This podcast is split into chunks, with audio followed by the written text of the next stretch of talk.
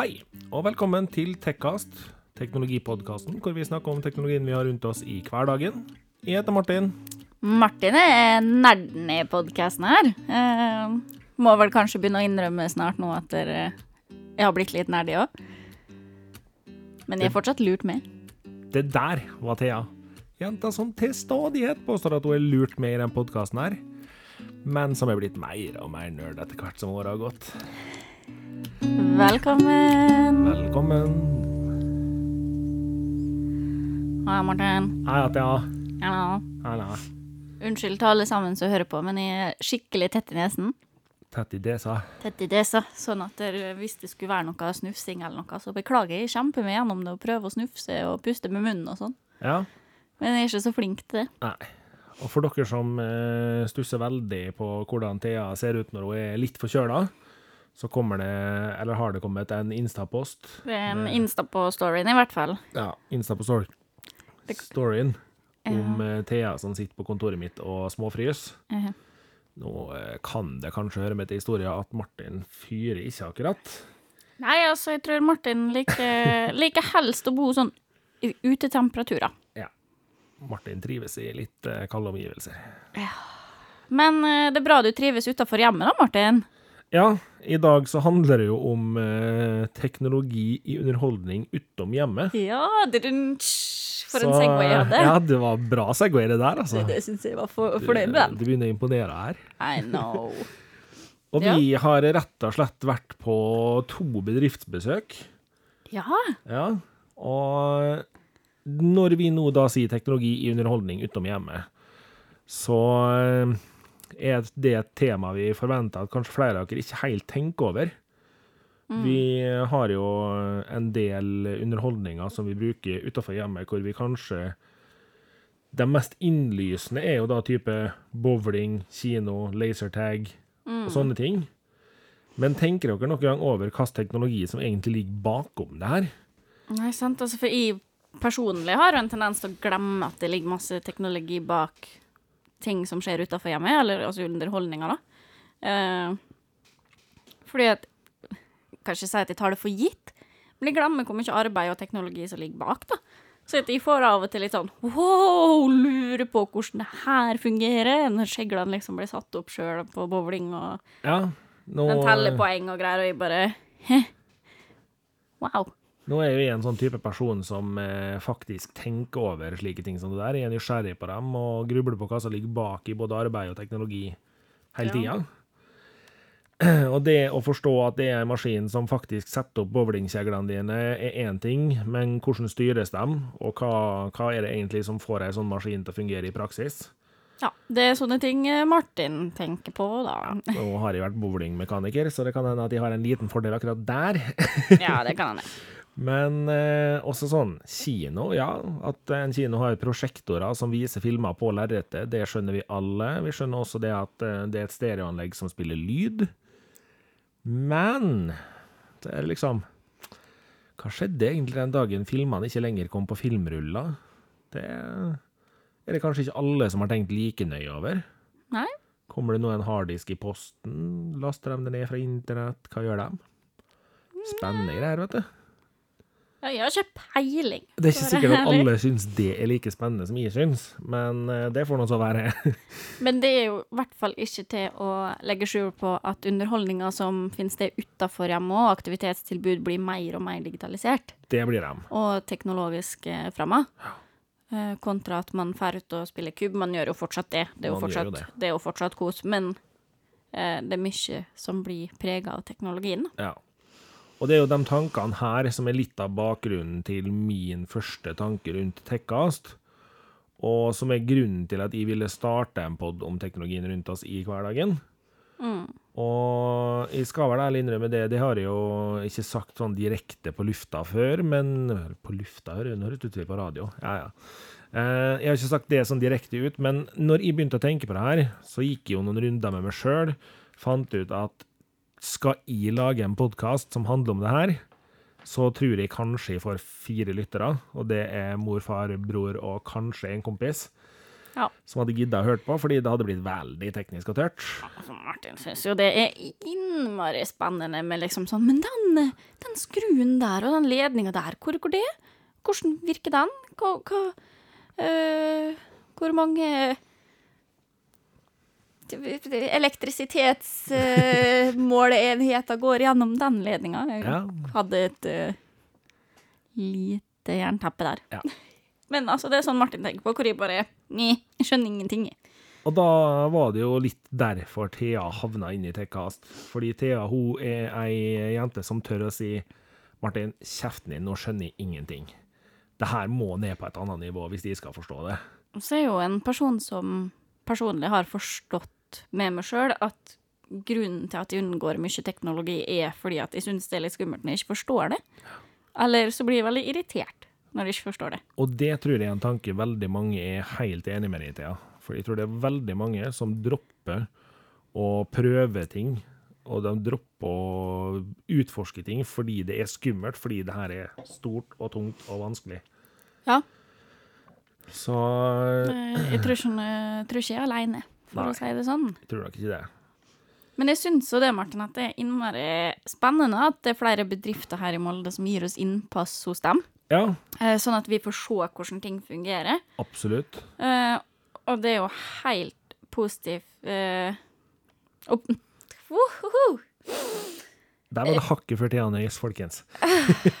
Det er veldig positivt uh, at vi blir møtt med så mye engasjement i bedriftene. Fordi altså, de har vært veldig åpne og veldig imøtekommende og syns det er kult at vi har lyst og har lyst til å støtte opp under eh, lille oss, da, eller lille Tekkast, som eh, kommer Kommer her og bare sånn Ja, du, kan vi få se hvordan det her fungerer? Ja, Det er kjempekult. og ei av de bedriftene vi har vært innom og gjort det her hos, det, vi hadde en liten runde her eh, tidligere i uka hvor vi for eh, Eller tidligere forrige uke, var det faktisk. Hvor vi for en liten runde og besøkte ei bedrift som vi hadde prata litt med på mail. Og så tenkte vi, når vi satt i et lite møte etter det besøket, at eh, kinoen er en plass vi er litt nysgjerrige på. Ja. Så vi traska bortom Molde kino, vi. Og var så heldige å få ta en eh, prat med kinosjef Geir Hammerød. Og jeg må si det at jeg syns jo det er utrolig tøft å se litt hva som skjer bak kulissene på kinoen. Samtidig så er det utrolig spennende å høre hva Geir sine tanker om den teknologiske utviklinga i dette markedet har vært, da. For den har vært ganske stor. Så stor takk til eh, Molde kino og Geir Hammerød for at vi fikk lov å ta turen på besøk til dere. Ja, Martin, du har jo gjort et veldig fint intervju med Geir. Ja, jeg prøvde så godt jeg kunne. Eh, så jeg tenker kanskje det at vi bare kjører det intervjuet. Ja, det kan vi absolutt gjøre. Høre hva dere snakka om, og hva han hadde å si. Ja. Og før det fyres i gang, så vil jeg bare si det at eh, lyden her er litt annerledes. Det her er gjort eh, inne på kontoret til Geir på Molde kino, uten det lydoppsettet vi har i studio. Ja, skal jo sies at det er første gang vi prøver på et sånt uh, utafor studio-intervju. Ja. så det er veldig spennende hva dere syns om det her. Så vi fører i gang lydklippet, og så får vi rett og slett håpe dere eh, får noe ut av det. Yes. God dag, Geir. God dag igjen. Tusen hjertelig takk for at vi får lov å komme og intervjue dere, eh, vi fra Tekkast. Bare hyggelig. Det er kjekt for oss som er en liten og ny podkast, at eh, kinoen tar imot oss med åpne armer. Podkast er spennende, vet du, så det er vi villige til å være med på. Det høres hyggelig ut. Det er, vi har noen eh, spørsmål da, som vi har lyst til å kjøre gjennom. Eh, hvordan føler dere at teknologien i hjemmet har endra hvordan folk bruker kinoen? Eh, vi har vel ikke sett eh, de store endringene, egentlig. For ser vi litt sånn historisk på det, så er det faktisk de, de beste åra har vært de siste fem-seks åra. Um, og teknologien som er kommet hjemme, har på mange måter eh, kanskje drept noen andre marked. Eller vi vet jo at det drepte DVD-en og Blu-rayen. Um, eh, og så ser vi at det er lineær-TV som kanskje sliter mest. Eh, og så er det klart at eh, til syvende og sist så handler det jo for kinoene som for alle andre at eh, det handler om innhold. At du har gode historier å fortelle som du kan formidle. Så, så det er der det på mange måter ligger. Hvordan eh, føler dere at eh, folk nå stiller krav til kinoopplevelsen? Har de blitt strengere, eller er de eh, på lik linje med det de har vært før? Teknologisk så føler jeg det at de, så lenge de får godt lyd og godt bilde i forhold til det som er, er, er standarden, så er de fornøyd. Det som, det som, kravet går på, er jo selvfølgelig komfort. Mm. Um, man kunne ikke presentert en kino sånn som denne sal 1 var hos oss på, på 60- og 70-tallet. Eh, det sier seg sjøl. Den hadde vel da 500 Nei, borti 600 stoler hadde den vel fra starten av. I dag så er den 314. Det sier litt om kravet til komforten. Ja. At salen er halvert. Så setene er nesten dobbelt så store, og seteavstanden er dobbelt så stor, osv. Mm. Hvordan har eh, teknologien endra seg i kinoverdenen gjennom åra? Det var jo det jeg vil si en, en revolusjon i 2010. Eh, tidligere så var det jo filmruller, eh, og det var på mange måter en eh, begrensning. Eh, fordi at en film, eh, altså en, en, en film på rull kosta en kopi gjerne mellom 15 000 og 30 000 kroner. Eh, og da ble det jo laga et visst antall kopier, og med tanke på at det var da kan du si 220-30 kinoer i Norge, så er det klart at det tar lang tid for en film som var oppe i bare 20 kopier, eh, å komme seg rundt til alle kinoene. Så premiere var jo da for en kino på størrelse med Molde en sjeldenhet, egentlig. Vi hadde vel kanskje en 25-30 premierer i året, mot at vi nå har 190 premierer i året. Så, så, det er jo ferskvareprinsippet, kan du si, er jo det som har eh, gitt oss bedre muligheter nå med, med, med det som vi kaller DCP-film, da, altså dvs. Si eh, digital film. Mm. Interessant.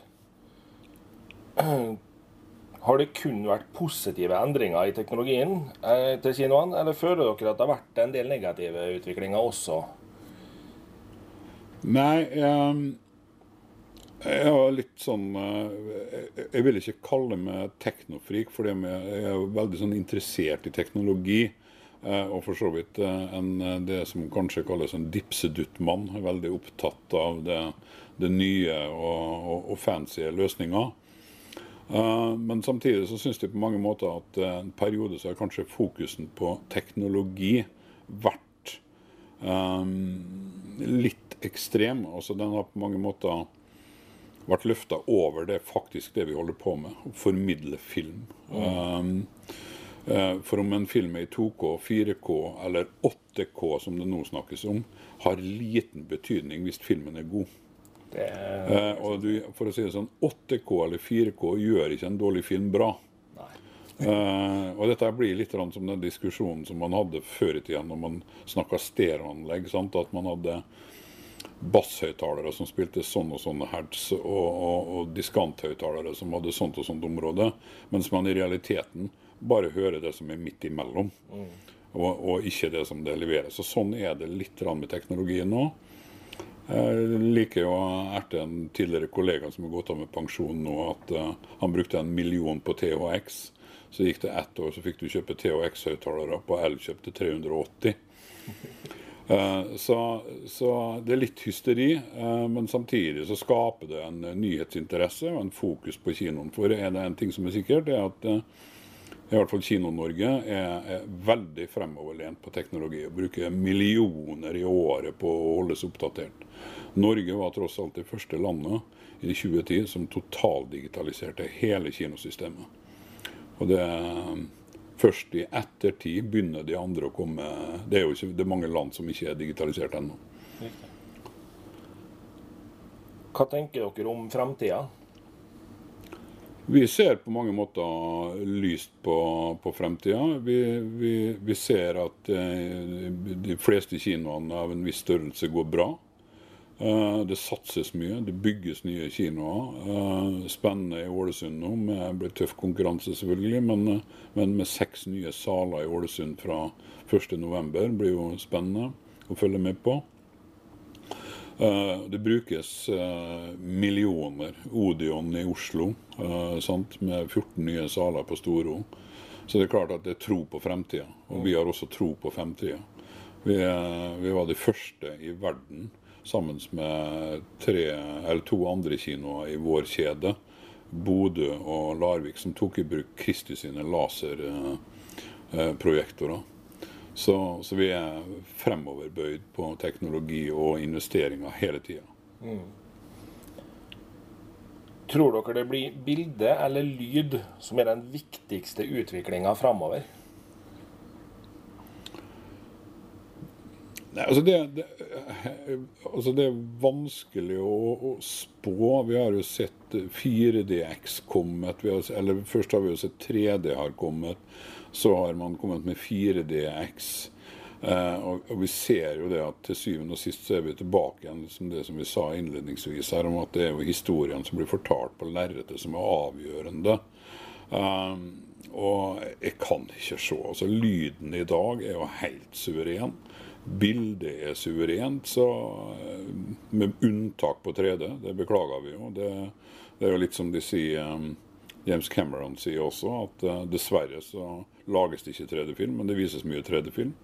Og med det så mener jeg at han at det skytes i 2D og konverteres til 3D. Det blir aldri 100% bra. Um, så vi skal 3D-teknologien berges, så må jo det gjøres med at man skyter i 3D, og det venter vi jo på James Cameron skal gjøre, da. Med, med neste avatar. Ja.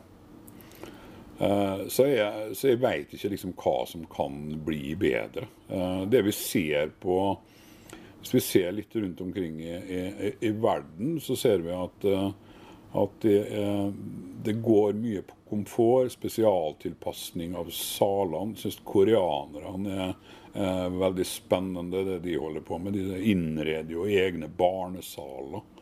Det er klart at Man er jo avhengig av en viss størrelse på på markedet. Vi kan ikke begynne å sammenligne Molde med Soul, men, eh, men det er klart at det er spennende retninger, spennende trender. Og vi, og vi ser på det som bygges nå uh, rundt omkring i verden, så er det veldig mye på komfortsida det går. Totalopplevelsen. Riktig. Uh, Vi var litt inne på det i stad, uh, og det var det med bildeutvikling. Hva tenker du om at den går så fort som den gjør nå i dag? Vi har i dag knapt nok fått 3-4K-prosjektorene inne i butikkene før eh, media og markedet begynner å snakke om 8K. Ja, altså Der vil jeg bruke sammenligninga til fotoapparat. Altså Vi husker pikselhysteriet. Eh, og, og alle vet det at eh, til et visst grad så har det en betydning, men så bikker det litt over. Og, og det blir liksom som å ja, Hvorfor skal du kjøre rundt i en bil med, med 800 hester når fartsgrensa er 80? Eh, det er greit å ha 300, men 800, liksom. Det, det, det har ingen hensikt. Og, og litt sånn føler jeg det når det begynner å bli snakk om 8K. Altså, for du skal jammen det ha Du skal være opp, du skal vel være en sånn sju-åtte år, tenker jeg. Da, da er det vel omtrent over på topp når det gjelder syn. Ja. Ferdig utvikla og ser på best mulig. Eh, Sjøl da tror jeg ikke at du, du har noe Hva det er å se forskjell på 4K og 8K. Eh, Det er knappest at du ser forskjell på 2K og 4K i enkelte tilfeller. Og så er det jo, og så er det jo til syvende og sist hvordan eh, regissøren eh, velger å, å gjøre det, hvilket bilde han vil vise det. Eh, Du kan si det sånn 4K og sånn kan være eh, nyttig i forhold til, til sportssendinger og den type ting. Eh, avhengig av høyhastighetskamera og, og den type teknologi, så, så vil det jo gi skarpere bilder av ting som er i bevegelse. Men for et bilde på et lerret i en kinosal, så, så er det jo til syvende og siste regissøren som bestemmer hvordan design skal være. Om Guillermo eller eh, hvilken som helst annen eh, eller Du kan jo ta Lucas Moodysson. Eh, det er klart at Hvis han skulle gitt ut fucking Åmål i dag, digitalt, så er det likevel skutt på 16 mm. Han valgte 16 mm den gangen, for han ville ha det rufsete lukket på filmen. Og sånn vil det fortsatt være. Eh, så, så liksom den derre Og jeg håper fortsatt at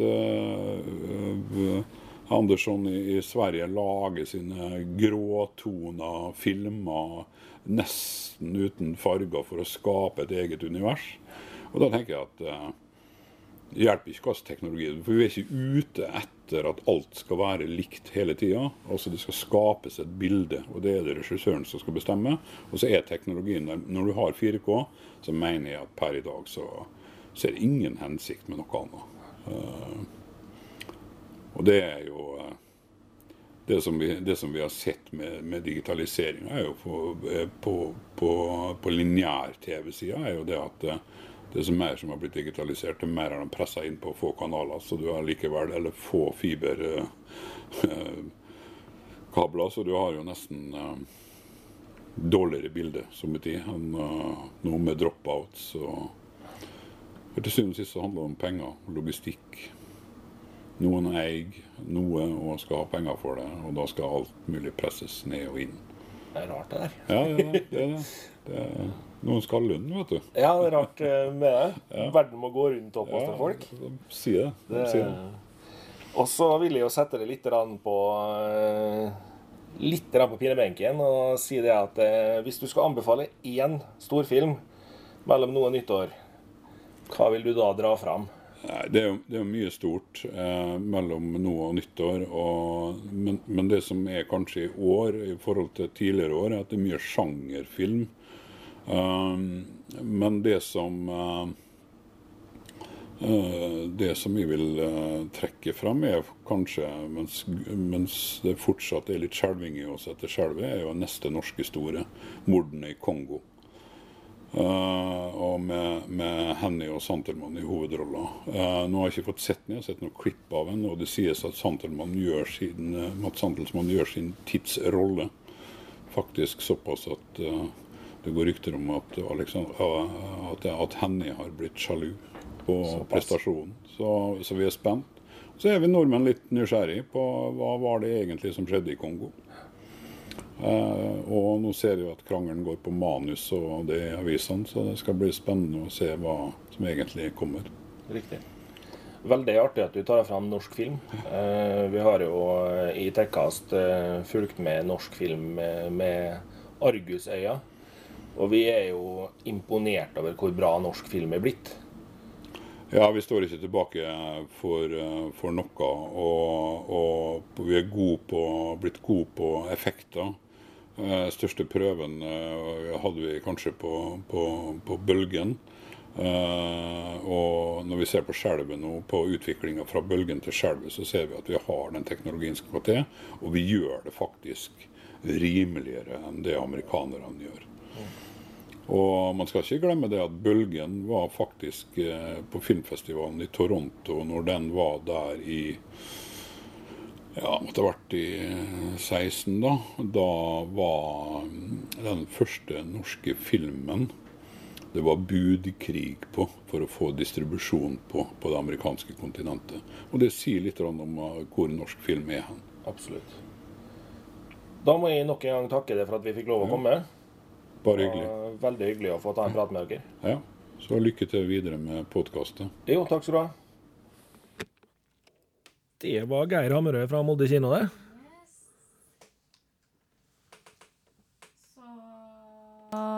Der var du òg, Thea. Her, ja. Jeg bare lot være å ta det med litt. Rani. Ja, jeg så, kjente det. Skulle jeg si at du ikke ville ha med meg. Tenkte Men, det var greit at du fikk være stille litt. ja. Men utrolig spennende å høre da, hva Geir har å si. Ja. Og ikke minst veldig positivt at det ser ut som at kinodrifta ikke merkbart går ned pga. strømmetjeneste og andre underholdningsalternativ i hjemmet. Absolutt. Og jeg er ganske enig i det han sier med at det er selve film, filmens innhold da, som faktisk betyr noe og er viktig, kontra om det er 4 eller 8K eller det der, da. At, det, at filmskapere velger å skyte i forskjellige kvaliteter for å få en viss stemning, at det er det som faktisk betyr noe. Mm. At vi ikke har blitt så kravstore at vi liksom Nei. Nei. Det er ikke bra nok, liksom. Uh, og så er jo komfort noe han snakker mye om. Uh, og det syns jeg også er viktig. Jeg er jo en litt urolig sjel av meg, så jeg vil jo helst sitte hjemme i sofaen og marke meg rundt som en annen tulling. Eh, så det at det nå blir bedre og bedre komfort i kinosalene, passer meg jo veldig godt, da, fordi at kanskje jeg også blir litt mer på kino enn hva jeg gjør nå. Når jeg klarer å sitte i ro litt lenger. Ja. Eh, nå trives jeg veldig godt med å gå på kino, så jeg synes jo sånn som det er i dag, så syns jeg det er komfortabelt og greit å være på kino. Eh, klart til meg som syns det at eh, det er varmt når det begynner å bli 16-17 grader, så er det av og til litt varmt i de fleste kinosaler. Mens jeg fryser dem. Ja, mens jeg da kan fint sitte i T-skjorte og takle det fint, så det er jo greit. Ja. Men det har blitt, eh, blitt veldig bra nå, altså. Absolutt. Eh, I forhold til hva det har vært. Eh, mm. Og jeg tenker jo bare på her i Molde så er vi jo så heldige at vi har én storsal og to småsaler. Og jeg syns jo at begge de to småsalene er utrolig fine saler å se film i. Ja, absolutt. Sjøl om selvfølgelig storsalen den byr på hakket heftigere lydopplevelse og litt eh, bedre vildopplevelser. Jo, men, har jo sånn som de småsalene hvor eh, vi hadde jo med oss eh, kollegaene på jobb en dag, hvor vi alle sammen var i den lille salen og så en film sammen, og du får litt mer sånn intim stuefølelse, da. Det var ikke så mange som var der heller, fordi vi hadde et sånt tåpelig klokkeslett på dagen når vi skulle på kino. Ja. Så det var veldig koselig. Ja. Absolutt. Eh, og til slutt, bare for å kommentere litt mer på intervjuet, da, eh, så må jeg bare støtte opp under det han sier i henhold til norsk film, hvor jeg blir så innmari glad. Eh, for jeg har alltid vært veldig glad i norsk film, da. Og det er jo ikke til å legge skjul på at jeg er en liten Kristoffer Joner-fan. Selv om det kanskje kan gå enkelte litt imot og diskuteres opp og ned, så er det sånn, da. Eh, Så det å følge hans utvikling sammen med Film Norges utvikling Fordi at jeg har sett de tidlige filmene hans, og jeg har sett dem mange ganger. Og jeg har mm. sett de nye filmene hans. De siste var vel kanskje Bulgen 3. Litt usikker på det. Jeg er ikke så flink til å få med nye ting. Eh, men å se hvor vi har utvikla oss, det er jo kjempekult.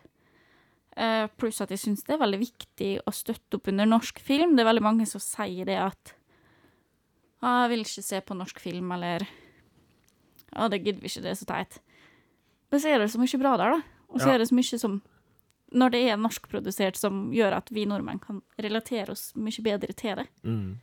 Og det er jo som man sier, at vi har blitt veldig flinke. Vi har det. Jeg syns jo det at dem som i dag ikke vil se norsk film fordi det er norsk, de går virkelig glipp av mye. Det gjør de. Og det Men eh, det jeg tenker, er jo det at hvis dere som hører på, har noen ønsker til bedrifter eller lignende vi bør dra innom, så må dere gjerne sende oss en mail på det, eller skrive til oss på Facebook. Fordi nå var vi veldig heldige og fikk besøke Molde kino, og fikk eh, god mottakelse der. Og vi har også vært innom ei anna bedrift som dere snart skal få høre om. Ja. Og det å ha med litt av bedriftene og ting som skjer rundt oss, synes jo vi er litt viktig. Eh, vi har jo sagt tidligere at vi vil gjerne fremme litt lokale ting. Og jeg synes jo det er viktig å tenke på at vi har i Molde, en ganske liten by i Norge, så har vi en enormt god kino. Absolutt. Og det synes jeg er litt viktig at folk tenker på og faktisk bruker kinoen, fordi blir den ikke brukt, så forsvinner den jo òg. Ja, den gjør det, vet du. Så Det er viktig å, viktig å bruke de tilbudene som er her. Yep. Og apropos tilbud, det er sånn Segway-konge i dag. jeg. Ja, du er Segway-kongen du i dag. Yes!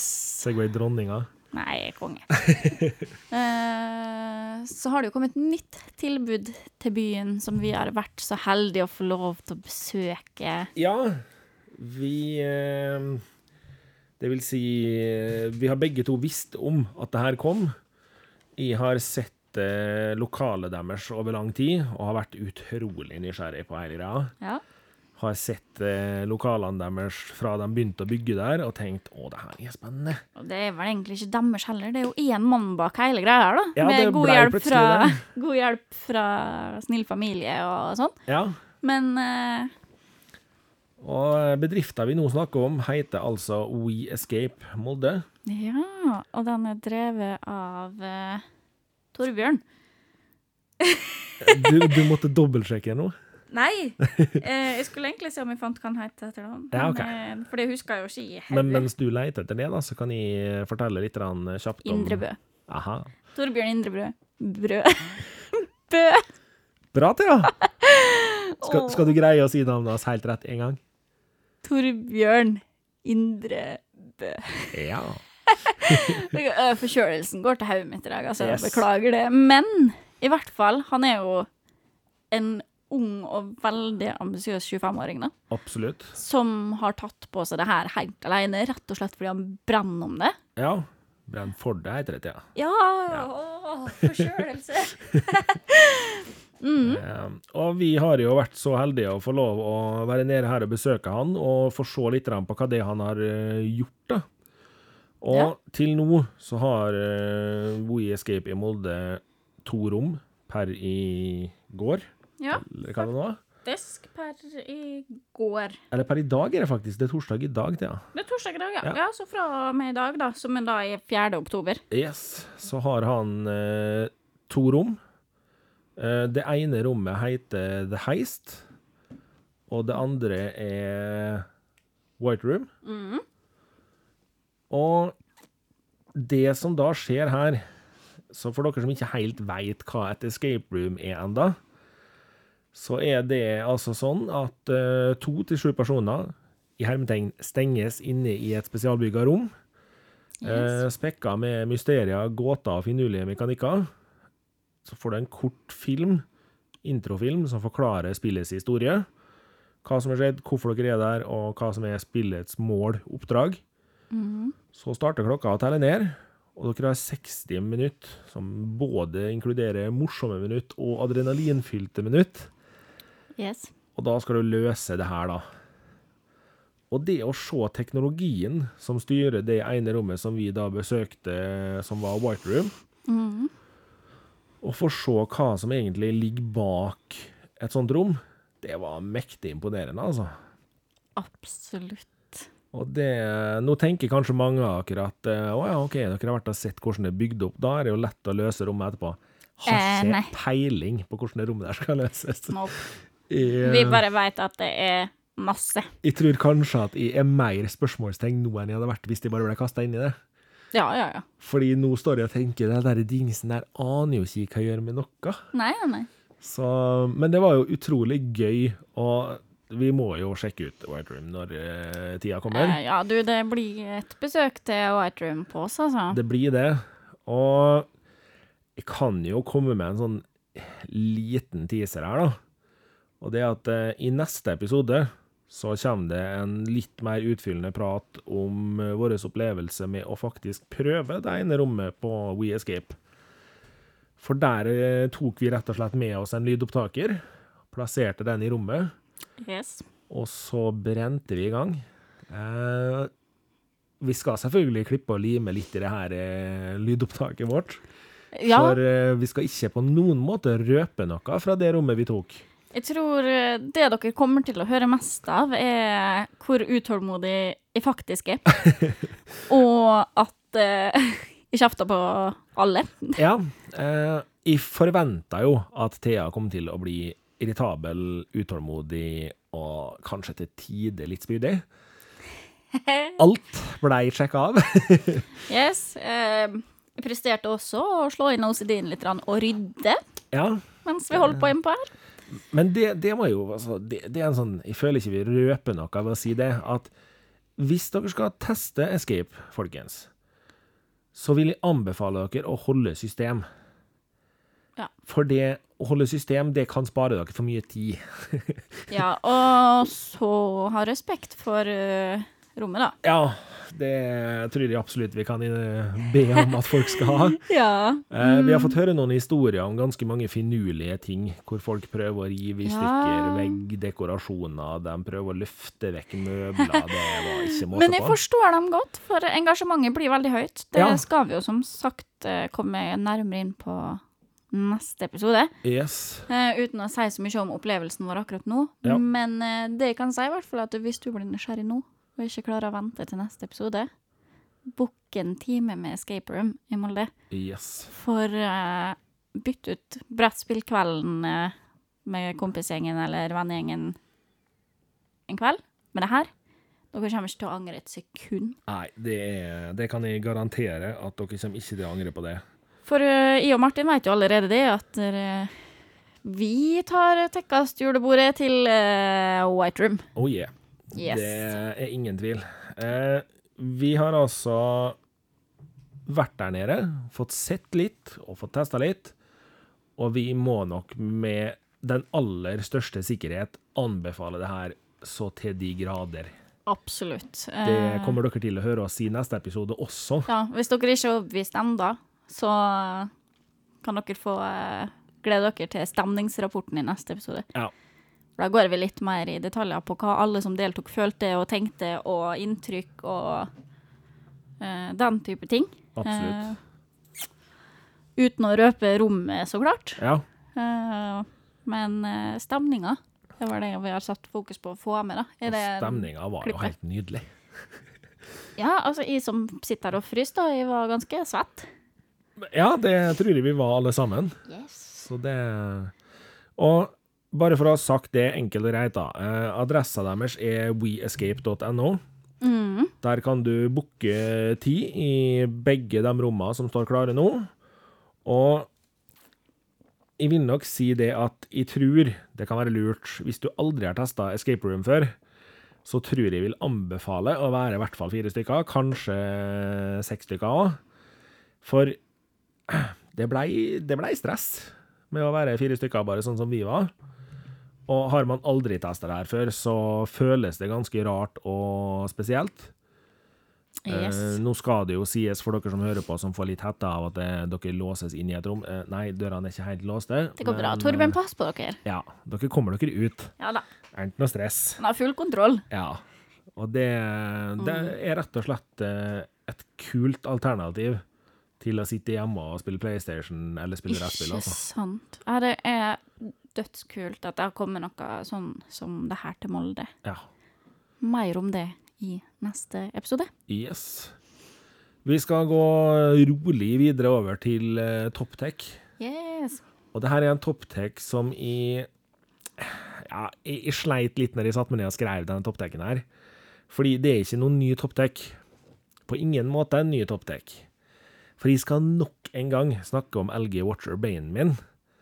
Men jeg skal nå snakke om ei programvareoppdatering som har skjedd på den. For den har nemlig nå fått Wear OS 2,1, som gjør at den føles nesten som ei ny klokke.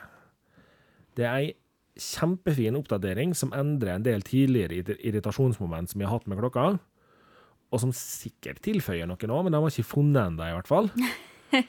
De kommer vel. Ja, jeg tror det. Og det Nå Jeg har ikke testa den her superlenge, jeg har testa den i ei ukes tid. Men jeg er utrolig imponert over det faktum at de tar ei klokke som har vært på markedet i mange år, og endrer henne til å nesten føles ny på hånda di. Ja, det er veldig kult, da. Ja, det er litt sprøtt, spør du meg. Ja. For det, jeg hadde forventa at det her skulle bli dritkjedelig. Mm. Men eh, nei da.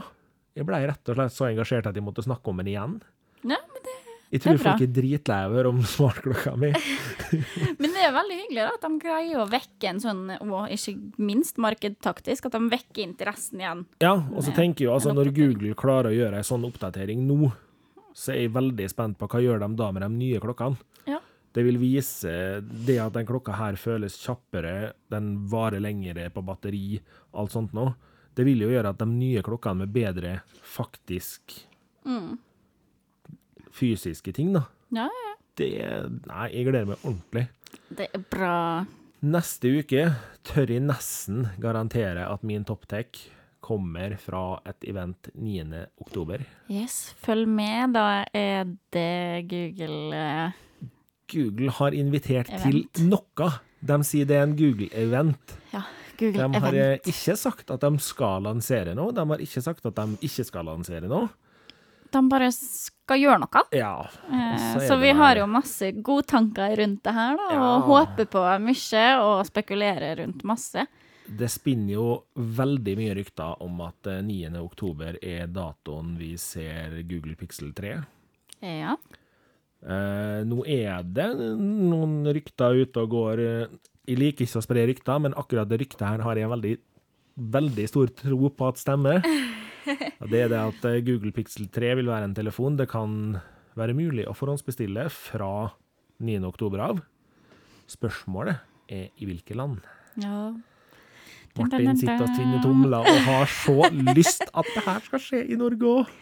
Så eh, kan garantere at neste episode så blir det snakka om Google-eventen. Ja. Eh, jeg har ingen eh, ny topptech. Nei, du har bare bestilt det en framtidig topptek, du. Ja, du, jeg har en topptek på vei i postkassa, så jeg skal ikke snakke om den ennå. For, men eh, det er jo litt spennende. Uh, for jeg har vært litt tatt av livet i det siste, da, så jeg har ikke egentlig testa så mye nytt. Det Nei. jeg liksom har brukt tida mi på de siste dagene, er å strikke. Ja. Jeg ble 80 år, men det har vært veldig godt, da. Og jeg tror nok det kommer til å gå med litt tid når uh, tekken kommer i postkassa. Det ser jeg for meg, altså. Yes. Det, jeg har jo selvfølgelig også med meg et eh, aldri så lite underholdningstips den eh, episoden her. Yep. Nå sier jeg et aldri så lite. Jeg har eh, seks eller sju linjer med manus på det her. Har en følelse av at det manuset kommer til å bli litt rann, eh, lite i forhold til hva jeg kommer til å si. Holde det tøyla ned, Martin. Ja. Um, jeg har latt være å nevne det spillet her tidligere, for det er et spill jeg skal snakke om nå. Men nå kan jeg ikke la være å snakke om det mer. Nå har jeg kommet eh, nesten helt igjennom det for første runde. Og jeg snakker selvfølgelig om Shadow of Tomb Raider. Tom Reidar. Og det her er et helt nydelig spill. Jeg er helt, helt, helt bortreist med en gang spillet kommer på. Jeg blir sittende bare og gape og styre Lara Croft rundt i en verden som ser så fin ut, og som er så fantastisk detaljert og så utrolig gjennomført. Og for ja, ikke første gang, men eh, bare for å virkelig spisse det, så har de igjen gått litt mørkere. De har gjort ting litt dystert, litt tungt. Dessverre dratt med litt jump scares, som jeg syns er unødvendig i Tomb Raider-verden. Men det er for all del, altså, det, det tilføyer jo spillet noe, mener noen. Jeg Sånne mener tullinger som jeg setter pris på en og annen god jump scare. Jo, men det handler liksom også litt om hva spill er det du får en jump scare i. Hvis du sitter og spiller Ja, la oss si du spiller Joshies Island, og så spretter Hufsa fra Mummidalen fram og sier bæ, så er det liksom Det har ikke noe stor effekt for spillet, det. Er det lyden du mener at du husker? Ja, omtrent, sant? Altså, okay. det var sånn vi så for meg Hufsa før. Tja, jeg er en sucker for uh, jump scares. Jo, Jeg jo, jo. kan ikke, kan ikke hjelpe det. Og nå har ikke jeg spilt den, da, så jeg skal Nei. ikke uttale meg om den passer eller ikke. Uh, men det øker litt spenningsnivået for min sin del å vite at de er med. Jeg kan jo nevne at Kristoffer Lien, som har vært gjest hos oss tidligere, har også runda første gjennomrunding av det. Og han syntes jumpscaresa var veldig greie, og syntes det passa bra og alt sånt. Eh, for meg så handler det vel mer om det at har, vi har aldri sett denne type jumpscares fra tidligere spill. Nei, sant. Og det er derfor jeg liksom føler at det, det, de kunne ha droppa det. Selv som er like altså. blodfan som du. Nei, det er nok kanskje ikke det, men uh, Nei, men det er jo veldig smak og behag akkurat det der, da. Ja, det er jo det. Og jeg er jo der at nå har jeg fulgt Trumblider ei stund. Litt av stund. Litt der.